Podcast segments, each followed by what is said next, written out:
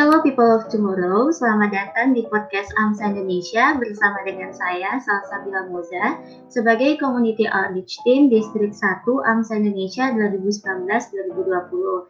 Nah, pada hari ini saya akan menjadi moderator podcast dengan materi yang berjudul Rokok dan COVID-19. Dan juga bersama saya pada hari ini sudah ada salah satu narasumber dari Komite Nasional Pengendalian Tembakau yaitu Dr. Nurul. Benar ya dok ya? Ya, betul. Iya, uh, selamat siang dok. Halo, siang. Ya, gimana dok kabarnya sampai hari ini? Alhamdulillah di rumah aja, masih oke-oke aja. Oke, alhamdulillah semoga diberi kesehatan selalu ya dok ya. Iya. Amin, amin. Oke. Baik, mungkin sebelum kita mulai, Moza bakal menjelaskan sedikit mengenai apa yang bakal kita lakukan hari ini.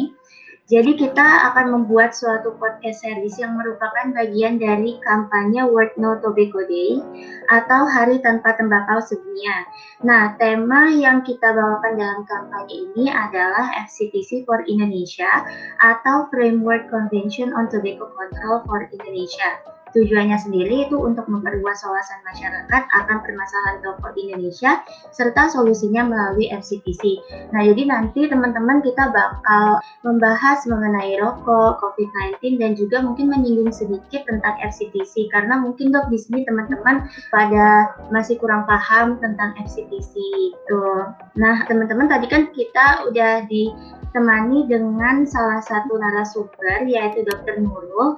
Mungkin dokter boleh menjelaskan sedikit mengenai identitas dan lingkup kerja dokter sekarang? Ya, jadi nama saya Nurul Luntungan. Saya lulusan FKUI eh, angkatan 2005 yang waktu itu lulusnya 2010. Tapi saya sekarang lebih banyak bekerja di bidang public health. Jadi S2 saya memang di public health jadi sejak tahun 2014 uh, eh, saya S2 lulus itu saya sampai sekarang memang fokusnya mengerjakan public health. Saya ini saya bekerja di suatu civil society organization di Indonesia yang bernama CISDI. Jadi memang fokusnya di pembangunan yang berkelanjutan, khususnya pembangunan kesehatan. Oke, Mungkin itu penjelasan singkat ya teman-teman dari Dokter Nurul. Jadi Dokter Nurul ini adalah lulusan FKUI tadi dan juga fokusnya sekarang di public health ya dok ya. Dan saya juga okay. uh, di Komnas Pengendalian Tembakau sebagai salah satu dari anggota Komnas Pengendalian Tembakau. Lain tadi. Oke, okay, oke. Okay. Oke, okay, menarik sekali ya teman-teman. Jadi jarang-jarang kan kita punya narasumber atau pembicara seperti Dokter Nurul ini. Baik, mungkin kita langsung ke inti dari podcast ini aja ya dok ya. Ya. Oke, jadi di sini Moza udah ada beberapa poin yang akan ditanyakan dan akan kita bahas. Jadi menurut data WHO, sekitar 6 juta kematian per tahun itu disebutkan oleh penggunaan tembakau. Sedangkan Indonesia ini menyumbangkan posisi sebagai salah satu negara yang mengonsumsi rokok terbesar di dunia. Nah, Sebenarnya dok kalau kita ngomong secara umum, efek rokok pada paru-paru itu apa sih dok? Oke. Jadi kalau secara umum mungkin udah, udah banyak yang tahu ya kalau efek rokok pada paru-paru yaitu kurang lebih dia merusak jaringan di paru-parunya sendiri, lalu dia menurunkan daya tahan atau sel-sel imunitas yang ada di paru dan dia juga karena kerusakan-kerusakan itu dia juga mengurangi kemampuan paru-paru untuk mengikat oksigen yang dibawa oleh darah. Nah, nanti dari itu semua ada dampak-dampak yang akhirnya tidak hanya di paru-paru tapi di seluruh tubuh ya. Dari reaksi-reaksi yang disebabkan oleh zat-zat beracun yang ada di asap rokok itu semuanya membuat banyak sekali kerusakan baik di paru dan juga di bagian tubuh yang lainnya karena zat-zat tersebut dengan sangat cepat dari yang tadinya dihisap di mulut lalu masuk ke paru-paru dan dibawa ke darah menyebar ke seluruh bagian tubuh termasuk ke otak. Oke, jadi intinya efek dari rokok ini sendiri itu dia bukan cuma di paru-paru ya dok, tapi dia ke seluruh tubuh. Ya. Nah, kan sekarang kita sedang dilanda dengan pandemi COVID-19 ya dok ya. Nah, ya. jadi COVID-19 ini kan adalah salah satu penyakit di saluran pernafasan. Nah, mungkin bisa dijelaskan sedikit dok mengenai COVID-19 ini dan juga efeknya terhadap paru-paru itu seperti apa? Jadi kalau COVID-19 itu kan merupakan salah satu jenis virus corona yang mirip dengan SARS yang memang waktu itu sudah sempat menjadi epidemi atau terjadi outbreak juga. Nah ini tapi yang tipe barunya dan bedanya dia itu sangat mudah penularannya sangat cepat dari orang ke orang. Kalau di outbreak sebelumnya atau yang di flu burung itu penularannya hanya dari binatang ke orang. Sekarang ini Kenapa jadi cepat sekali penularannya? Karena terjadinya dari orang menulari ke orang lain sampai yang tadinya dalam hitungan bulan hanya ada di satu kota di negara Tiongkok, akhirnya menyebar ke seluruh dunia. Dan virus ini menyebabkan gangguan pernafasan untuk sebagian besar orang, terutama orang-orang yang dengan risiko tinggi. Gejalanya sebenarnya tidak hanya gangguan pernafasan atau sesak nafas atau batuk, Gejalanya juga bisa bermacam-macam seperti infeksi virus lainnya, mulai dari diare, kemudian ada gangguan juga di indera rasanya, bisa ada tanda seperti infeksi virus di selaput mata. Jadi itu sangat bermacam-macam sebenarnya, tapi memang yang paling berat itu adalah yang sering terjadi itu ada gangguan pernafasan sampai akhirnya gagal nafas. Nah, itu yang memang banyak terjadi di pasien-pasien yang terkena virus COVID ini. Oke, jadi efek COVID-19 pada paru-paru ini sendiri itu tadi gangguan, terutama kegangguan pernafasan dan gagal nafas ya dok? Iya. Oke, kita lanjut ya dok. Nah, jadi Moza baca beberapa berita, terus juga ada beberapa teman-teman nih yang bilang katanya ini sebenarnya bisa dibilang hoax ya dok, karena ada yang bilang katanya merokok bisa menghalau COVID-19. Jadi merokok itu katanya bisa menurunkan kesempatan untuk virus corona ini masuk ke dalam paru-paru. Sedangkan sudah banyak banget literatur yang mengatakan bahwa sebenarnya perokok ini beresiko tinggi untuk menyebabkan penyakit jantung dan penyakit pernapasan. Sedangkan kan di Indonesia ini perokoknya tinggi, jadi otomatis perokok Indonesia ini berisiko tinggi terkena COVID-19. Nah, menurut dokter, apa tanggapan dokter mengenai hoax merokok bisa menghalau COVID-19 tersebut? Nah, jadi memang kita kan membuat statement pasti berdasarkan bukti ilmiah ya. Jadi memang sudah banyak bukti-bukti ilmiah yang menunjukkan bahwa merokok itu malah meningkatkan risiko terinfeksi COVID dan gejala yang lebih berat saat seseorang itu terinfeksi COVID-19 dan dia memang merokok berat atau ada riwayat merokok. Dan itu sudah terbukti dari penelitian yang sifatnya meta-analisis. Uh, mungkin untuk teman-teman di kedokteran cukup familiar salah satu jenis penelitian yang paling kuat karena dia melihat beberapa penelitian yang sudah ada. Jadi penelitian dari meta-analisis dari 12 riset itu menunjukkan memang ada hubungan merokok dan perburukan dari COVID-19 dengan odds ratio-nya sampai 2,25. Nah, itu memang jadi sudah terbukti bahwa merokok itu justru meningkatkan resiko COVID-19 yang lebih berat. Dan ini saya kutip dari uh, pemaparan yang diberikan oleh Perhimpunan Dokter Paru Indonesia. Nah, jadi memang justru saat ini dianjurkan sekali bagi para perokok saat yang tepat untuk berhenti merokok atau mengurangi konsumsi rokoknya. Karena kalau perokok saat ini terinfeksi, maka gejalanya itu terbukti akan lebih berat daripada yang bukan perokok. Dan sesuai dengan pemaparan dari Perhimpunan Dokter Paru Indonesia, setidaknya ada empat mekanisme kenapa rokok merokok itu meningkatkan resiko COVID-19. Yang pertama, ada gangguan sistem imunitas dari saluran nafas dan paru akibat asap rokok. Tadi yang sudah saya ceritakan di awal, bahwa asap rokok itu menyebabkan banyak sekali peradangan di sel-sel di paru. Nah, dari itu juga menyebabkan daya tahan tubuh atau sel-sel imunitas yang ada di paru itu jadi sangat rendah karena asap rokok. Sehingga hmm. orang yang kena infeksi virus itu perlawanan untuk melawan virusnya itu jauh lebih rendah daripada yang tidak merokok. Nah, yang kedua, ada mekanisme yang menunjukkan bahwa virus corona ini dia akan menempel di suatu reseptor yang namanya angiotensin converting enzyme 2 atau ACE2 reseptor. Itu tempat si virus itu menempel di uh, paru-paru. Nah, ternyata merokok itu meningkatkan si reseptor ini, regulasi reseptor. Jadi orang yang merokok akan lebih sensitif terhadap virus COVID ini. Itu mekanisme yang kedua. Terbukti juga secara ilmiah. Nah, kemudian mekanisme yang ketiga adalah memang merokok itu kan uh, justru menyebabkan banyak risiko penyakit-penyakit komorbid lainnya seperti sakit jantung, sakit diabetes, penyakit paru obstruksi kronik atau PPOK itu banyak sekali dimiliki oleh perokok karena kebiasaan merokoknya itu. Nah, dan memang pasien-pasien COVID dengan penyakit komorbid itu terbukti memiliki gejala yang lebih berat daripada pasien yang tidak memiliki penyakit-penyakit komorbid. Bisa dibayangkan misalnya pasien dengan gangguan paru-paru atau PPOK, di mana fungsi paru-parunya itu mungkin hanya tinggal karena dia merokok lama fungsi paru-parunya tinggal 50%. Nah, 50 persennya sudah rusak karena paparan asap rokok yang berpuluh-puluh tahun gitu ya. Saat dia terkena infeksi virus dan virusnya itu menyerang paru-paru dan paru-parunya hanya 50% yang berfungsi baik.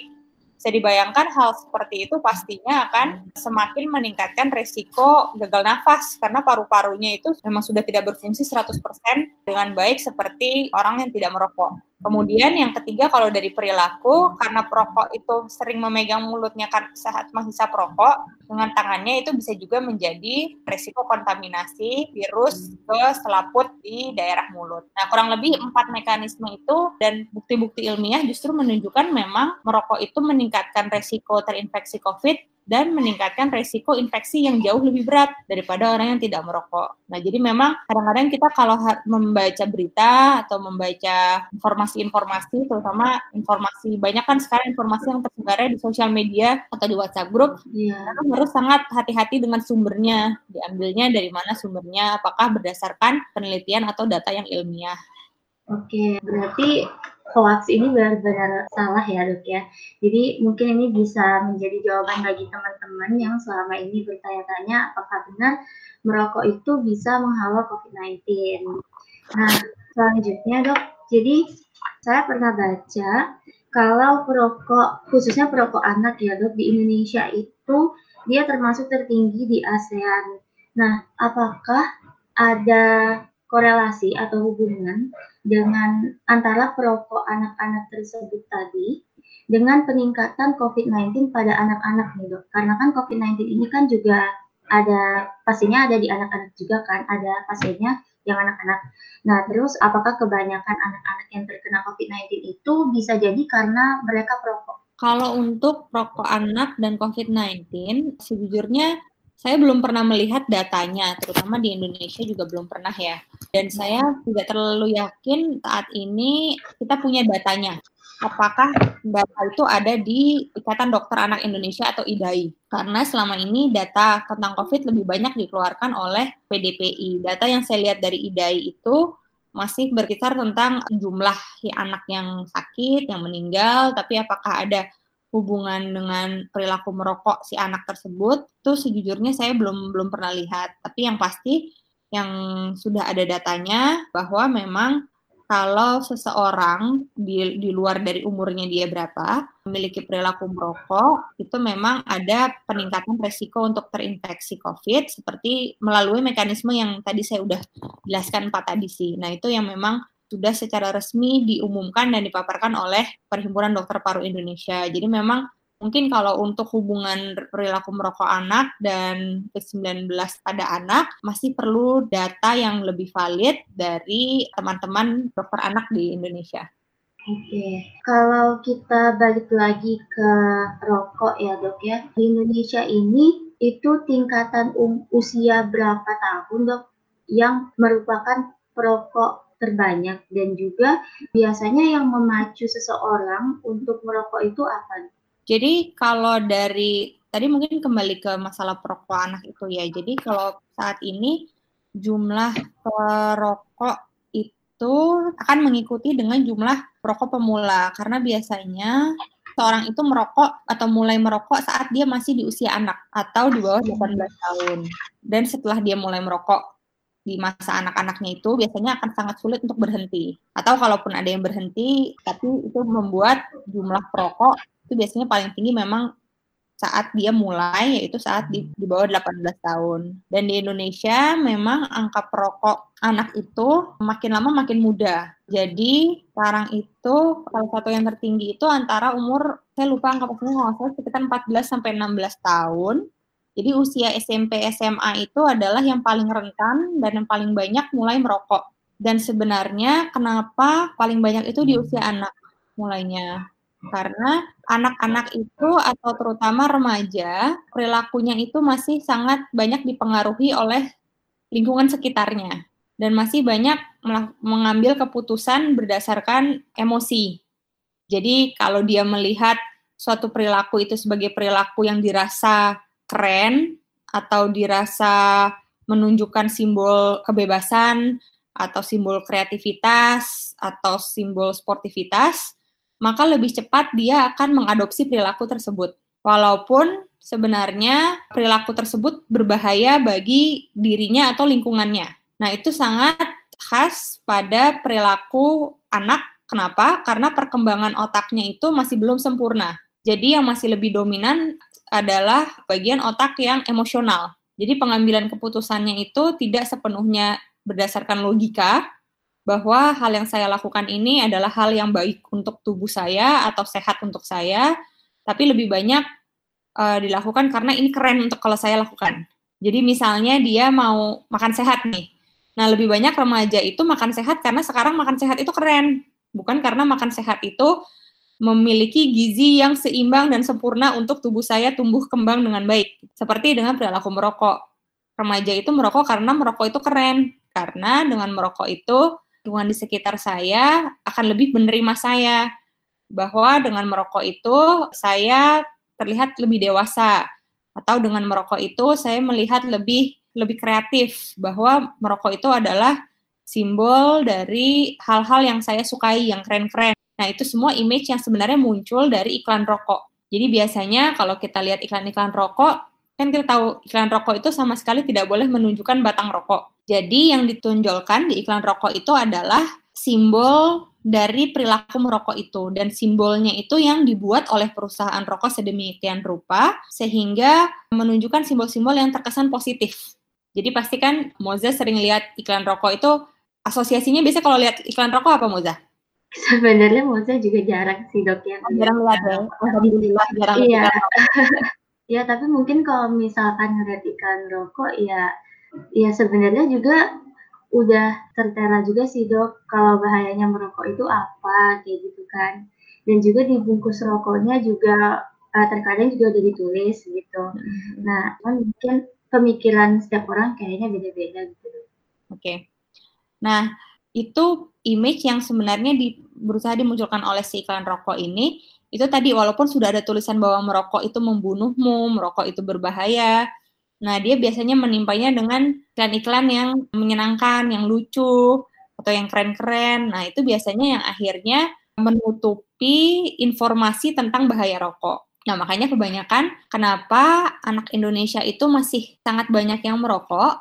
Pertama, karena iklannya masih di mana-mana. Jadi, image positif dari perilaku merokok itu masih sangat luas bahwa anak Indonesia itu tumbuh dengan lingkungan yang membentuk pikiran mereka bahwa merokok itu masih sangat keren. Mungkin untuk tidak untuk semua anak Indonesia ya, tapi ada kelompok-kelompok yang lebih menjadi target dari perusahaan rokok yang membuat kesannya tuh kalau nggak ngerokok tuh nggak keren atau nggak ngerokok tuh nggak gaul atau nggak kreatif gitu atau nggak maco. Nah itu kan sebenarnya image yang muncul dari iklan itu yang pertama karena iklannya masih banyak masih di mana-mana anak-anak masih banyak yang melihat iklan. Nah, yang kedua karena rokoknya sendiri itu juga masih mudah untuk dibeli oleh anak-anak. Harganya murah, untuk membeli cukup mudah, bisa di mana-mana belinya. Masih ada juga tempat-tempat yang masih memungkinkan orang membeli ketengan, jadi belinya batangan satuan. Jadi kemampuan membeli rokok itu jauh lebih terjangkau daripada beli misalnya beli es krim gitu harga es krim mungkin satu bungkusnya sekarang bisa ada yang sepuluh ribu, lima belas ribu, atau lima ribu, sedangkan rokok per batangnya masih seribu rupiah. Nah, jadi dua hal itu yang salah satu menjadi pencetus utama kenapa rokok anak di Indonesia itu masih tinggi.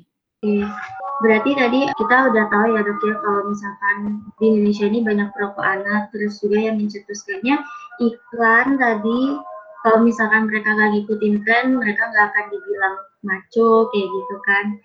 Nah, dan juga yang kedua harganya murah kan dok tadi. Nah, jadi Moza sempat ada baca-baca juga kalau misalkan tahun 2020 ini itu katanya ada peningkatan dari tarif cukai hasil tembakau. Mm -hmm. Apakah menurut dokter kenaikan tarif cukai tersebut itu bisa mengendalikan konsumsi rokok di Indonesia ini? Nah, jadi kenaikan tarif cukai yang 20% itu memang sudah cukup prestasi, prestasi ya bagi Kementerian Keuangan karena itu merupakan kenaikan cukai yang tertinggi selama ini di Indonesia. Namun sayangnya kenaikan cukai itu masih belum cukup untuk membuat harga rokok menjadi mahal untuk anak-anak. Kenapa demikian? Karena ini saya agak teknis sedikit ngomongnya, tapi kurang lebih begini. Jenis rokok di Indonesia itu sangat banyak dan cukai rokok itu dikenakan untuk berbagai jenis tipe rokok yang berbeda-beda. Tergantung rokok itu dibikinnya pakai mesin atau pakai tangan, rokoknya kretek atau rokok putih, kemudian perusahaannya itu pegawainya banyak atau sedikit. Nah, jadi walaupun cukai rokoknya naik 20%, harganya itu masih sangat bervariasi. Yang dijual di masyarakat itu harganya masih macam-macam. Jadi kalau Moza iseng-iseng nih lihat online beli rokok. Atau ya kalau sekarang kan nggak nggak nggak disarankan ya untuk keluar jadi lihat online. Harga rokok tuh bisa yang dari murah banget di bawah sepuluh ribu sampai yang tiga puluh ribu ke atas juga ada. Jadi meskipun cukainya naik 20% rata-rata harga rokoknya tetap bervariasi masih ada yang sangat murah dan akhirnya masih bisa dibeli oleh anak-anak atau remaja. Nah, jadi sebenarnya memang perjuangan untuk menaikkan harga rokok ini memang masih harus terus berlanjut karena yang harus kita lihat nanti di lapangannya kalau memang sebut cukainya itu sudah efektif kalau harganya yang dijual di masyarakat itu memang sudah bisa dibilang relatif mahal. Kalau harganya masih lebih murah daripada mie instan satu bungkus, nggak bisa dibilang mahal. Tapi untuk harga idealnya rokok ini sendiri berapa sih, dok? Jadi kalau harga ideal Mungkin untuk mudahnya sebenarnya harga ideal adalah harga yang rokok ini tidak terjangkau oleh sebagian besar kelompok masyarakat yang harus tidak membeli, yaitu anak-anak. Kan sebenarnya rokok ini kan untuk 18 tahun ke atas. Jadi selama rokok itu masih bisa dibeli oleh anak-anak yang di bawah 18 tahun ke bawah, itu dia belum ideal artinya. Karena artinya yang sebenarnya tidak boleh beli, masih bisa beli. Nah itu berapa? Kemarin tuh ada berbagai survei yang dilakukan FKM UI sempat membuat survei juga. Survei tahun 2017 surveinya kalau salah dipublikasi 2018 bahwa kebanyakan orang justru setuju dan ini perokok termasuk perokok untuk harga rokok itu dinaikkan sampai Rp60.000 per bungkusnya. Dan ada juga yang menyebutkan bahwa harga rokok ini akan membantu mereka yang mau berhenti merokok kalau harganya di atas itu. Jadi memang harganya harus di atas, yang pasti harus di atas Rp50.000 per bungkus, baru bisa dibilang ideal untuk pertama tadi mencegah anak-anak untuk membeli rokok, dan yang kedua membantu orang-orang yang sebenarnya mau berhenti merokok, tapi sulit karena pertama rokok itu kan bikin kecanduan. Secara ilmiah bahwa rokok itu membuat kecanduan, sehingga remaja yang awalnya hanya mau coba-coba, akhirnya dia keburu kecanduan, akhirnya sampai dia tua masih merokok atau sampai timbul penyakit yang macam-macam juga dia masih sangat sulit lepas dari kebiasaan merokoknya. Yang mungkin itu sebenarnya bukan kebiasaan tapi kecanduan rokoknya. Karena walaupun dia tahu rokok itu berbahaya bagi tubuhnya atau orang sekitarnya, tetap sulit untuk berhenti. Nah, itu adalah memang tanda-tanda dari kecanduan. Gitu. Jadi kalau ditanya berapa sih harga rokok ideal, nah harga rokok ideal itu harusnya masih jauh lebih mahal, masih dua tiga kali lipat dari harga rokok yang saat ini beredar. Oke dok, sekarang kita lanjut ke solusi mungkin masalah rokok di Indonesia ini dok. Menurut dokter solusinya itu kira-kira seperti apa dok? Bila kita kaitkan dengan perlunya Indonesia untuk meratifikasi FCTC tadi. Jadi kita mungkin juga dokter bisa menjelaskan sedikit tentang FCTC kepada teman-teman gitu. Ya. Jadi sebenarnya perilaku merokok itu paling efektif seperti dengan kebanyakan perilaku yang membuat kecanduan lainnya, paling efektif itu dikendalikan dengan adanya kebijakan yang kuat. Jadi kayak tadi saya bilang, aku cerita tadi kenapa anak Indonesia masih ngerokoknya masih banyak? Ya karena iklan masih banyak, harga rokok masih murah. Mau diedukasi seperti apa pun anak-anak itu, kalau iklannya masih sebanyak itu dan harga rokoknya masih semurah itu dan masih mudah dibeli, edukasinya tidak akan pernah efektif. Jadi edukasi itu justru salah satu yang terbukti paling tidak efektif untuk merubah perilaku. Pemberian informasi itu salah satu yang paling tidak efektif kalau dalam sisi perubahan perilaku ya, teori perubahan perilaku. Jadi kebijakan atau merubah lingkungan si anak-anak itu supaya dia ada di tempat yang kalau dia nggak pernah ngelihat iklan rokok, dia nggak bisa beli rokok karena sangat mahal atau bahkan dia bahkan nggak pernah lihat rokok. Kayak Moza tadi bilang jarang lihat iklan rokok, ya mungkin karena jarang lihat iklan rokok, Moza jadi tidak tertarik untuk merokok sampai sekarang.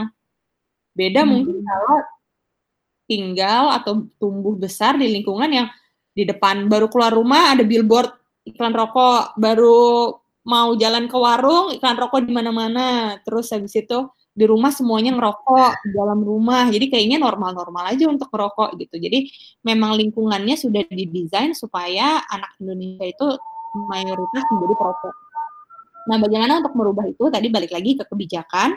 Harus ada kebijakan yang kuat untuk mengendalikan konsumsi rokok dan mencegah perilaku merokok pada anak Salah satunya dengan tadi pelarangan iklan rokok. Sebenarnya Indonesia itu sudah menjadi satu-satunya negara di Asia yang masih boleh iklan rokok. Kalau kita ke negara lain nggak boleh ada. Indonesia masih banyak tuh iklan rokok. Di TV masih ada, di jalan-jalan besar di banyak kota masih ada. Di internet kalau kita mau baca berita suka muncul banyak iklan rokok. Ya, Kemudian yang kedua harga rokok tadi saya bilang harga rokok di negara lain itu rokok itu sudah menjadi barang mewah, bukan jadi barang kebutuhan sehari-hari. Bayangkan kalau harga rokok yang sekarang bisa dibeli Rp1.000 per batang, kalau di luar negeri belinya itu sudah harus per bungkus dan misalnya harganya sudah harus Rp200.000 per bungkus. Pasti orang konsumsinya sayang-sayang kan? Dan anak-anak pun hmm. nggak kepikiran untuk beli karena nggak mungkin mereka beli itu mending beli yang lain. Mending uangnya buat beli mainan yang lain gitu. Kalau sekarang mungkin daripada beli es krim atau daripada buat beli makan masih lebih murah beli rokok mereka. Kemudian ada kebijakan lain kayak misalnya kawasan tanpa rokok. Kalau anak-anak tuh sering melihat orang dewasa di sekitarnya merokok di mana-mana, mereka akan menilai bahwa perilaku merokok itu perilaku yang normal. Nah, itu juga terbukti bahwa dengan adanya kawasan tanpa rokok, bahwa orang-orang yang merokok itu harus ada di kawasan tertentu atau di luar rumah atau di luar gedung itu menunjukkan bahwa oh merokok itu bukan kegiatan yang normal bahwa harus ada tempat-tempat khususnya untuk merokok. Nah, itu juga akan membantu persepsi tentang perilaku merokok pada anak-anak. Nah, gimana supaya kebijakan-kebijakan itu menjadi lebih kuat? Pertanyaannya kan itu. Supaya perilaku merokoknya juga menurun. Sebenarnya Indonesia sudah mengupayakan supaya kebijakan itu ada. Cuma jalannya itu masih terjal, masih banyak lobby-lobby dari perusahaan rokok supaya kebijakan pengendalian tembakau itu tidak efektif. Salah satu yang dilakukan oleh negara-negara di dunia adalah mereka berkoalisi dan membuat itu, FCTC itu, Framework Convention of Tobacco Control. FCTC ini sebenarnya semacam persetujuan antar negara-negara untuk melindungi kesehatan masyarakatnya dari bahaya rokok. Dan FCTC ini isinya tentang bagaimana kebijakan pengendalian tembakau itu seharusnya ada di suatu negara agar efektif melindungi masyarakatnya. Dan sebenarnya Indonesia ini juga salah satu negara yang merancang naskah awal FCTC. Tapi saat negara-negara itu berkumpul dan menandatangani, saat itu Indonesia nggak ikut. Indonesia waktu itu salah satu negara yang akhirnya putuskan untuk nggak ikutan tanda tangan. Jadi nggak tergabunglah dengan negara yang di bawah komitmen FCTC itu. Dampaknya apa? Dampaknya Indonesia ini nggak punya payung hukum atau komitmen global, komitmen politik di tingkat global untuk membuat kebijakan yang efektif mengendalikan konsumsi merokok untuk masyarakatnya. Jadinya kita saat mendorong kebijakan pengendalian perilaku merokok ini nggak ada cantolan komitmen globalnya gitu. Karena secara global kita dianggap bahwa kita nggak mau berkomitmen untuk melakukan pengendalian perilaku merokok. Karena kita nggak tergabung di FCTC itu. Nah itu yang sebenarnya masih terus juga kita perjuangkan agar Indonesia mau menjadi negara yang menandatangani FCTC ini. Nah, itu udah dua, hampir 20 tahun terakhir perjuangannya karena hmm. memang kenapa sulit sekali bagi Indonesia untuk menandatangani FCTC karena banyak konflik-konflik kepentingan di dalam negeri yang menginginkan supaya perilaku merokok ini jangan sampai turun di Indonesia, supaya penjualan rokoknya jangan turun. Nah, itu yang menjadi tantangan terbesar di upaya pengendalian perilaku merokok ini, Mem. Jadi dok, dalam FCTC ini sendiri, kan telah diatur mengenai perlunya cukai rokok yang tinggi dan perlunya melindungi masyarakat non perokok dengan adanya kawasan tanpa rokok. Gitu. Betul. Nah, sebenarnya ini udah mulai ada di Indonesia. Menurut dokter, apa perubahan yang dapat terlihat apabila pemerintah Indonesia itu nantinya meratifikasi FCTC ini? Perubahannya, kebijakan yang sekarang ada akan jadi lebih efektif dan lebih kuat untuk bisa di implementasikan.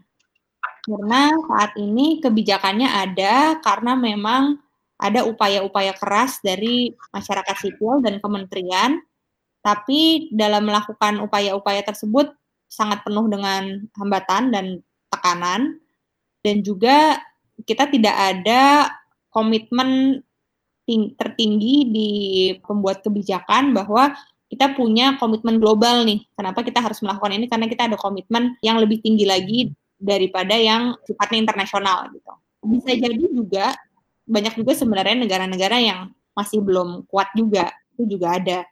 Tapi lebih banyak yang justru sebenarnya sudah mengaksesi FCTC dan akhirnya itu memperkuat uh, kebijakan di dalam negerinya. Jadi ini semacam penguat sih upaya yang sudah saat ini dilakukan memperkuat dan untuk menjadi justifikasi bahwa Indonesia memang harus menjalankan kebijakan yang memang sudah menjadi komitmen politiknya gitu. Jadi dok, saya sempat membaca juga ada statement dari Presiden Jokowi mengenai FCTC ini. Katanya kami nggak mau sekedar ikut-ikutan tren atau karena banyak negara yang telah meratifikasi FCTC. Kita harus betul-betul melihat kepentingan nasional Indonesia. Nah, dikatakan oleh Presiden Jokowi di Istana Kepresidenan Selasa 14 Juni 2016. Nah, menurut saya pandangan Indonesia mengenai FCTC ini tidak terlalu memberikan sisi positif yang signifikan. Jadi bagaimana cara kita bisa meyakinkan masyarakat Indonesia dan pemerintahan mengenai betapa pentingnya regulasi rokok dengan salah satunya ikut serta menyetujui FCTC itu? Hmm. Jadi memang pembuatan kebijakan di Indonesia ini masih banyak yang butuh dorongan dari masyarakatnya. Jadi salah satu kemungkinan kenapa Indonesia belum meratifikasi FCTC karena dorongan dari publik atau tekanan dari publik supaya Indonesia meratifikasi FCTC itu masih belum terlalu kuat atau dipandang urgent oleh presiden sehingga presiden masih membuat statement seperti itu. Padahal kita tahu sendiri akibat kita tidak ratifikasi FCTC, kebijakan kita masih lemah, angka perokok anak kita tertinggi, salah satu yang tertinggi di Asia. Nah, gimana caranya untuk meyakinkan sebenarnya sebagai masyarakat sipil kita harus makin banyak gerakan-gerakan atau makin banyak upaya-upaya terutama juga dari kelompok remaja dan anak muda yang saat ini sebenarnya menjadi korban karena kebijakan di Indonesia belum kuat supaya mendengar suara-suara tersebut dan mau mengaksesi FCTC untuk kepentingan masyarakat. Karena saat ini sebenarnya satu-satunya yang merugi kalau Indonesia merevisi FCTC adalah pengusaha-pengusaha rokok. Karena ketakutannya adalah kalau kita mengaksesi FCTC, kebijakannya diperkuat, maka kalau sampai jumlah perokoknya menurun, maka jumlah rokok yang dijual akan semakin turun. Nah, itu sebenarnya yang saat ini menjadi tarik-menarik antara ini yang mau diutamakan kesehatan masyarakatnya, keselamatan anak-anak Indonesia-nya, atau keuntungan dari penjual-penjual rokok itu, industri-industri rokok itu. Dan sebenarnya yang saat ini juga mulai dilakukan oleh pemerintah adalah membuat rencana kerja yang cukup mungkin waktunya cukup jangka panjang. Kalau Indonesia akhirnya akan memperkuat pengendalian tembakaunya, maka dan itu sebenarnya yang harusnya dilakukan karena di rencana pembangunan jangka menengah nasional itu kan salah satu indikatornya penurunan perokok anak. Nah, apakah itu akan berdampak pada sektor-sektor lain, misalnya sektor ekonomi, sektor pertanian? Kalau ada dampaknya, maka mitigasi risikonya seperti apa? bahwa sekarang mindsetnya adalah tidak bisa dihindari perokok anak itu harus diturunkan. Tapi kalau perokok anak diturunkan, apa dampaknya ke sektor lain dan bagaimana memitigasi dampak tersebut? Nah, sebenarnya upaya-upaya seperti itu yang harus dikawal oleh masyarakat sipil dan juga harus disuarakan oleh lebih banyak anak muda. Karena Indonesia sekarang juga udah menjadi negara yang demokrasi, yang sudah didengar suara-suara masyarakatnya itu sebenarnya keinginannya itu maunya yang kebijakan atau negara yang seperti apa. Apakah Indonesia ingin selalu menjadi negara dengan perokok anak tertinggi di dunia? Apakah perokok-perokok di Indonesia ingin anak dan cucunya semua menjadi perokok seperti mereka? Dan kebanyakan dari perokok, mereka walaupun sulit untuk berhenti merokok, tidak ingin bahwa anak dan cucunya itu merokok seperti mereka. Karena mereka sebenarnya tahu bahayanya, tapi tidak bisa lepas dari kecanduannya. Nah, jadi upaya-upaya itu sih yang saya rasa yang masih banyak harus kita lakukan bersama gitu. Oke, jadi ini ada pertanyaan tambahan nih dok. Sebagai mahasiswa maupun masyarakat umum untuk membantu pemerintah mendukung ratifikasi FCTC ini apa dok? Karena kan pastinya dalam meratifikasi FCTC itu perlu dukungan dari masyarakat, terutama kami yang sebagai mahasiswa gitu kan ya dok. Semakin banyak suara mahasiswa dan upaya-upaya yang dilakukan oleh mahasiswa untuk Indonesia atau Presiden meratifikasi FCTC, maka akan semakin kuat. Karena mahasiswa itu sudah terbukti dari sejarah kita banyak berperan dalam perubahan kebijakan. Mulai dari reformasi, kemerdekaan, mahasiswa punya kekuatan yang besar di situ. Dan mahasiswa masih bisa kita anggap tidak ada personalnya, jadi tidak dipengaruhi tindakan atau usulan atau upaya yang dilakukan mahasiswa itu memang atas dasar kajian yang objektif dan untuk keadaan yang lebih baik. Jadi semakin lebih banyak mahasiswa yang peduli dan ikut dalam menggalang dukungan atau menyuarakan dukungan atau aspirasinya, maka akan semakin kuat upaya untuk Indonesia bisa lebih baik lagi dan Indonesia mau meratifikasi FCTC untuk kesehatan masyarakat yang lebih baik. Oke, jadi di sini peran serta masyarakat, terutama mahasiswa itu sangat besar ya, dok. Berarti untuk membuat Indonesia ini menjadi lebih baik. Nah, ini terakhir, dok, apa pesan yang mungkin bisa disampaikan ke teman-teman yang mendengarkan podcast ini atau ke masyarakat berkaitan dengan dampak ataupun bahayanya merokok yang udah kita bahas tadi, dok. Apalagi kan merokok ini bisa meningkatkan risiko terinfeksinya COVID-19 dan juga pesan dari dokter mungkin untuk menyikapi kondisi pandemi COVID-19 saat ini. Hmm, bahwa menjadi perokok di Indonesia itu terutama untuk remaja dan anak-anak itu memang banyak dikarenakan lingkungan yang memang mendukung orang untuk menjadi perokok. Untuk menjadi tidak perokok itu suatu keberuntungan. Jadi Moza itu beruntung untuk menjadi nggak perokok di Indonesia. Karena by design anak Indonesia disetting untuk menjadi perokok. Sehingga sangat sulit memang untuk karena mulai merokoknya itu sudah cukup dini sangat sulit untuk menghentikan kebiasaan atau kecanduan merokoknya. Bahwa kecanduan akibat rokok itu sangat nyata dan memang sangat sulit untuk mengatasinya. Dan butuh suatu komitmen yang besar dan niat yang tinggi untuk seseorang yang tadinya sudah kecanduan merokok untuk berhenti. Dan sebenarnya di era pandemi ini justru menjadi kesempatan. Kesempatan untuk mengurangi merokok atau berhenti merokok. Karena resiko apabila perokok itu terkena COVID jauh lebih tinggi daripada yang bukan perokok atau apabila orang yang akhirnya berhenti merokok. Sehingga ini bisa dijadikan suatu titik awal untuk memulai perilaku hidup yang lebih baik. Bisa menjadi motivasi untuk mengurangi merokok atau berhenti merokok. Dan kalaupun memang masih sangat sulit untuk berhenti, setidaknya uh, untuk para perokok atau teman-teman yang keluarganya masih ada yang merokok bisa melakukan upaya-upaya untuk melindungi setidaknya orang-orang di sekitarnya. Jadi kalau si perokok itu masih kesulitan sekali untuk berhenti merokok, hanya bisa mengurangi sedikit-sedikit, kurangilah bahayanya ke orang sekitarnya, yaitu dengan merokok hanya di lingkungan di luar rumah. Jangan sampai work from home ini meningkatkan paparan asap rokok untuk anak dan keluarga di rumah. Jadi pesan saya gunakan momentum ini untuk memulai hal yang lebih baik, menjadi motivasi karena banyak juga teman-teman saya yang selama ini kesulitan untuk berhenti merokok atau kesulitan untuk mencari motivasi yang kuat untuk berhenti merokok, akhirnya dia berhenti karena COVID ini. Jadi tadi menggunakan itu untuk menjadi momentum dan untuk memotivasi dan juga untuk setidaknya untuk melindungi orang di sekitarnya. Karena saya yakin kok semua perokok itu pada dasarnya orang-orang yang baik dan tahu bahaya merokok, Cuma karena kecanduannya itu mereka jadi sulit sekali untuk berhenti. Jadi setidaknya lindungilah orang-orang di sekitarnya dan coba untuk menggunakan momentum ini untuk melindungi dirinya sendiri juga. Gitu. Iya, iya. Benar banget ya dok ya. Jadi teman-teman di sini kan kita udah tahu nih efek dari merokok itu sendiri bagaimana, terus juga dia bisa meningkatkan risiko terinfeksinya COVID-19 dan juga memperparah komplikasinya mungkin ya dok. Ya. Nah, seperti yang dikatakan dokter Nurul tadi, kita bisa menggunakan momentum ini segera untuk memotivasi mungkin bagi teman-teman yang belum bisa untuk berhenti merokok, ini menjadi motivasi untuk berhenti merokok, untuk melindungi diri sendiri dan juga orang lain.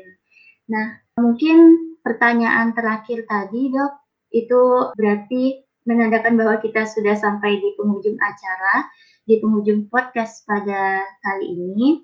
Pada Dokter Nurul, kami ucapkan terima kasih banyak dok udah meluangkan waktunya dan juga udah berbagi ilmunya kepada kami. Sama-sama, terima kasih sudah diundang. Ya, semoga pokoknya selalu sehat terus ya dok dan selalu stay safe. Oke, okay, sama-sama.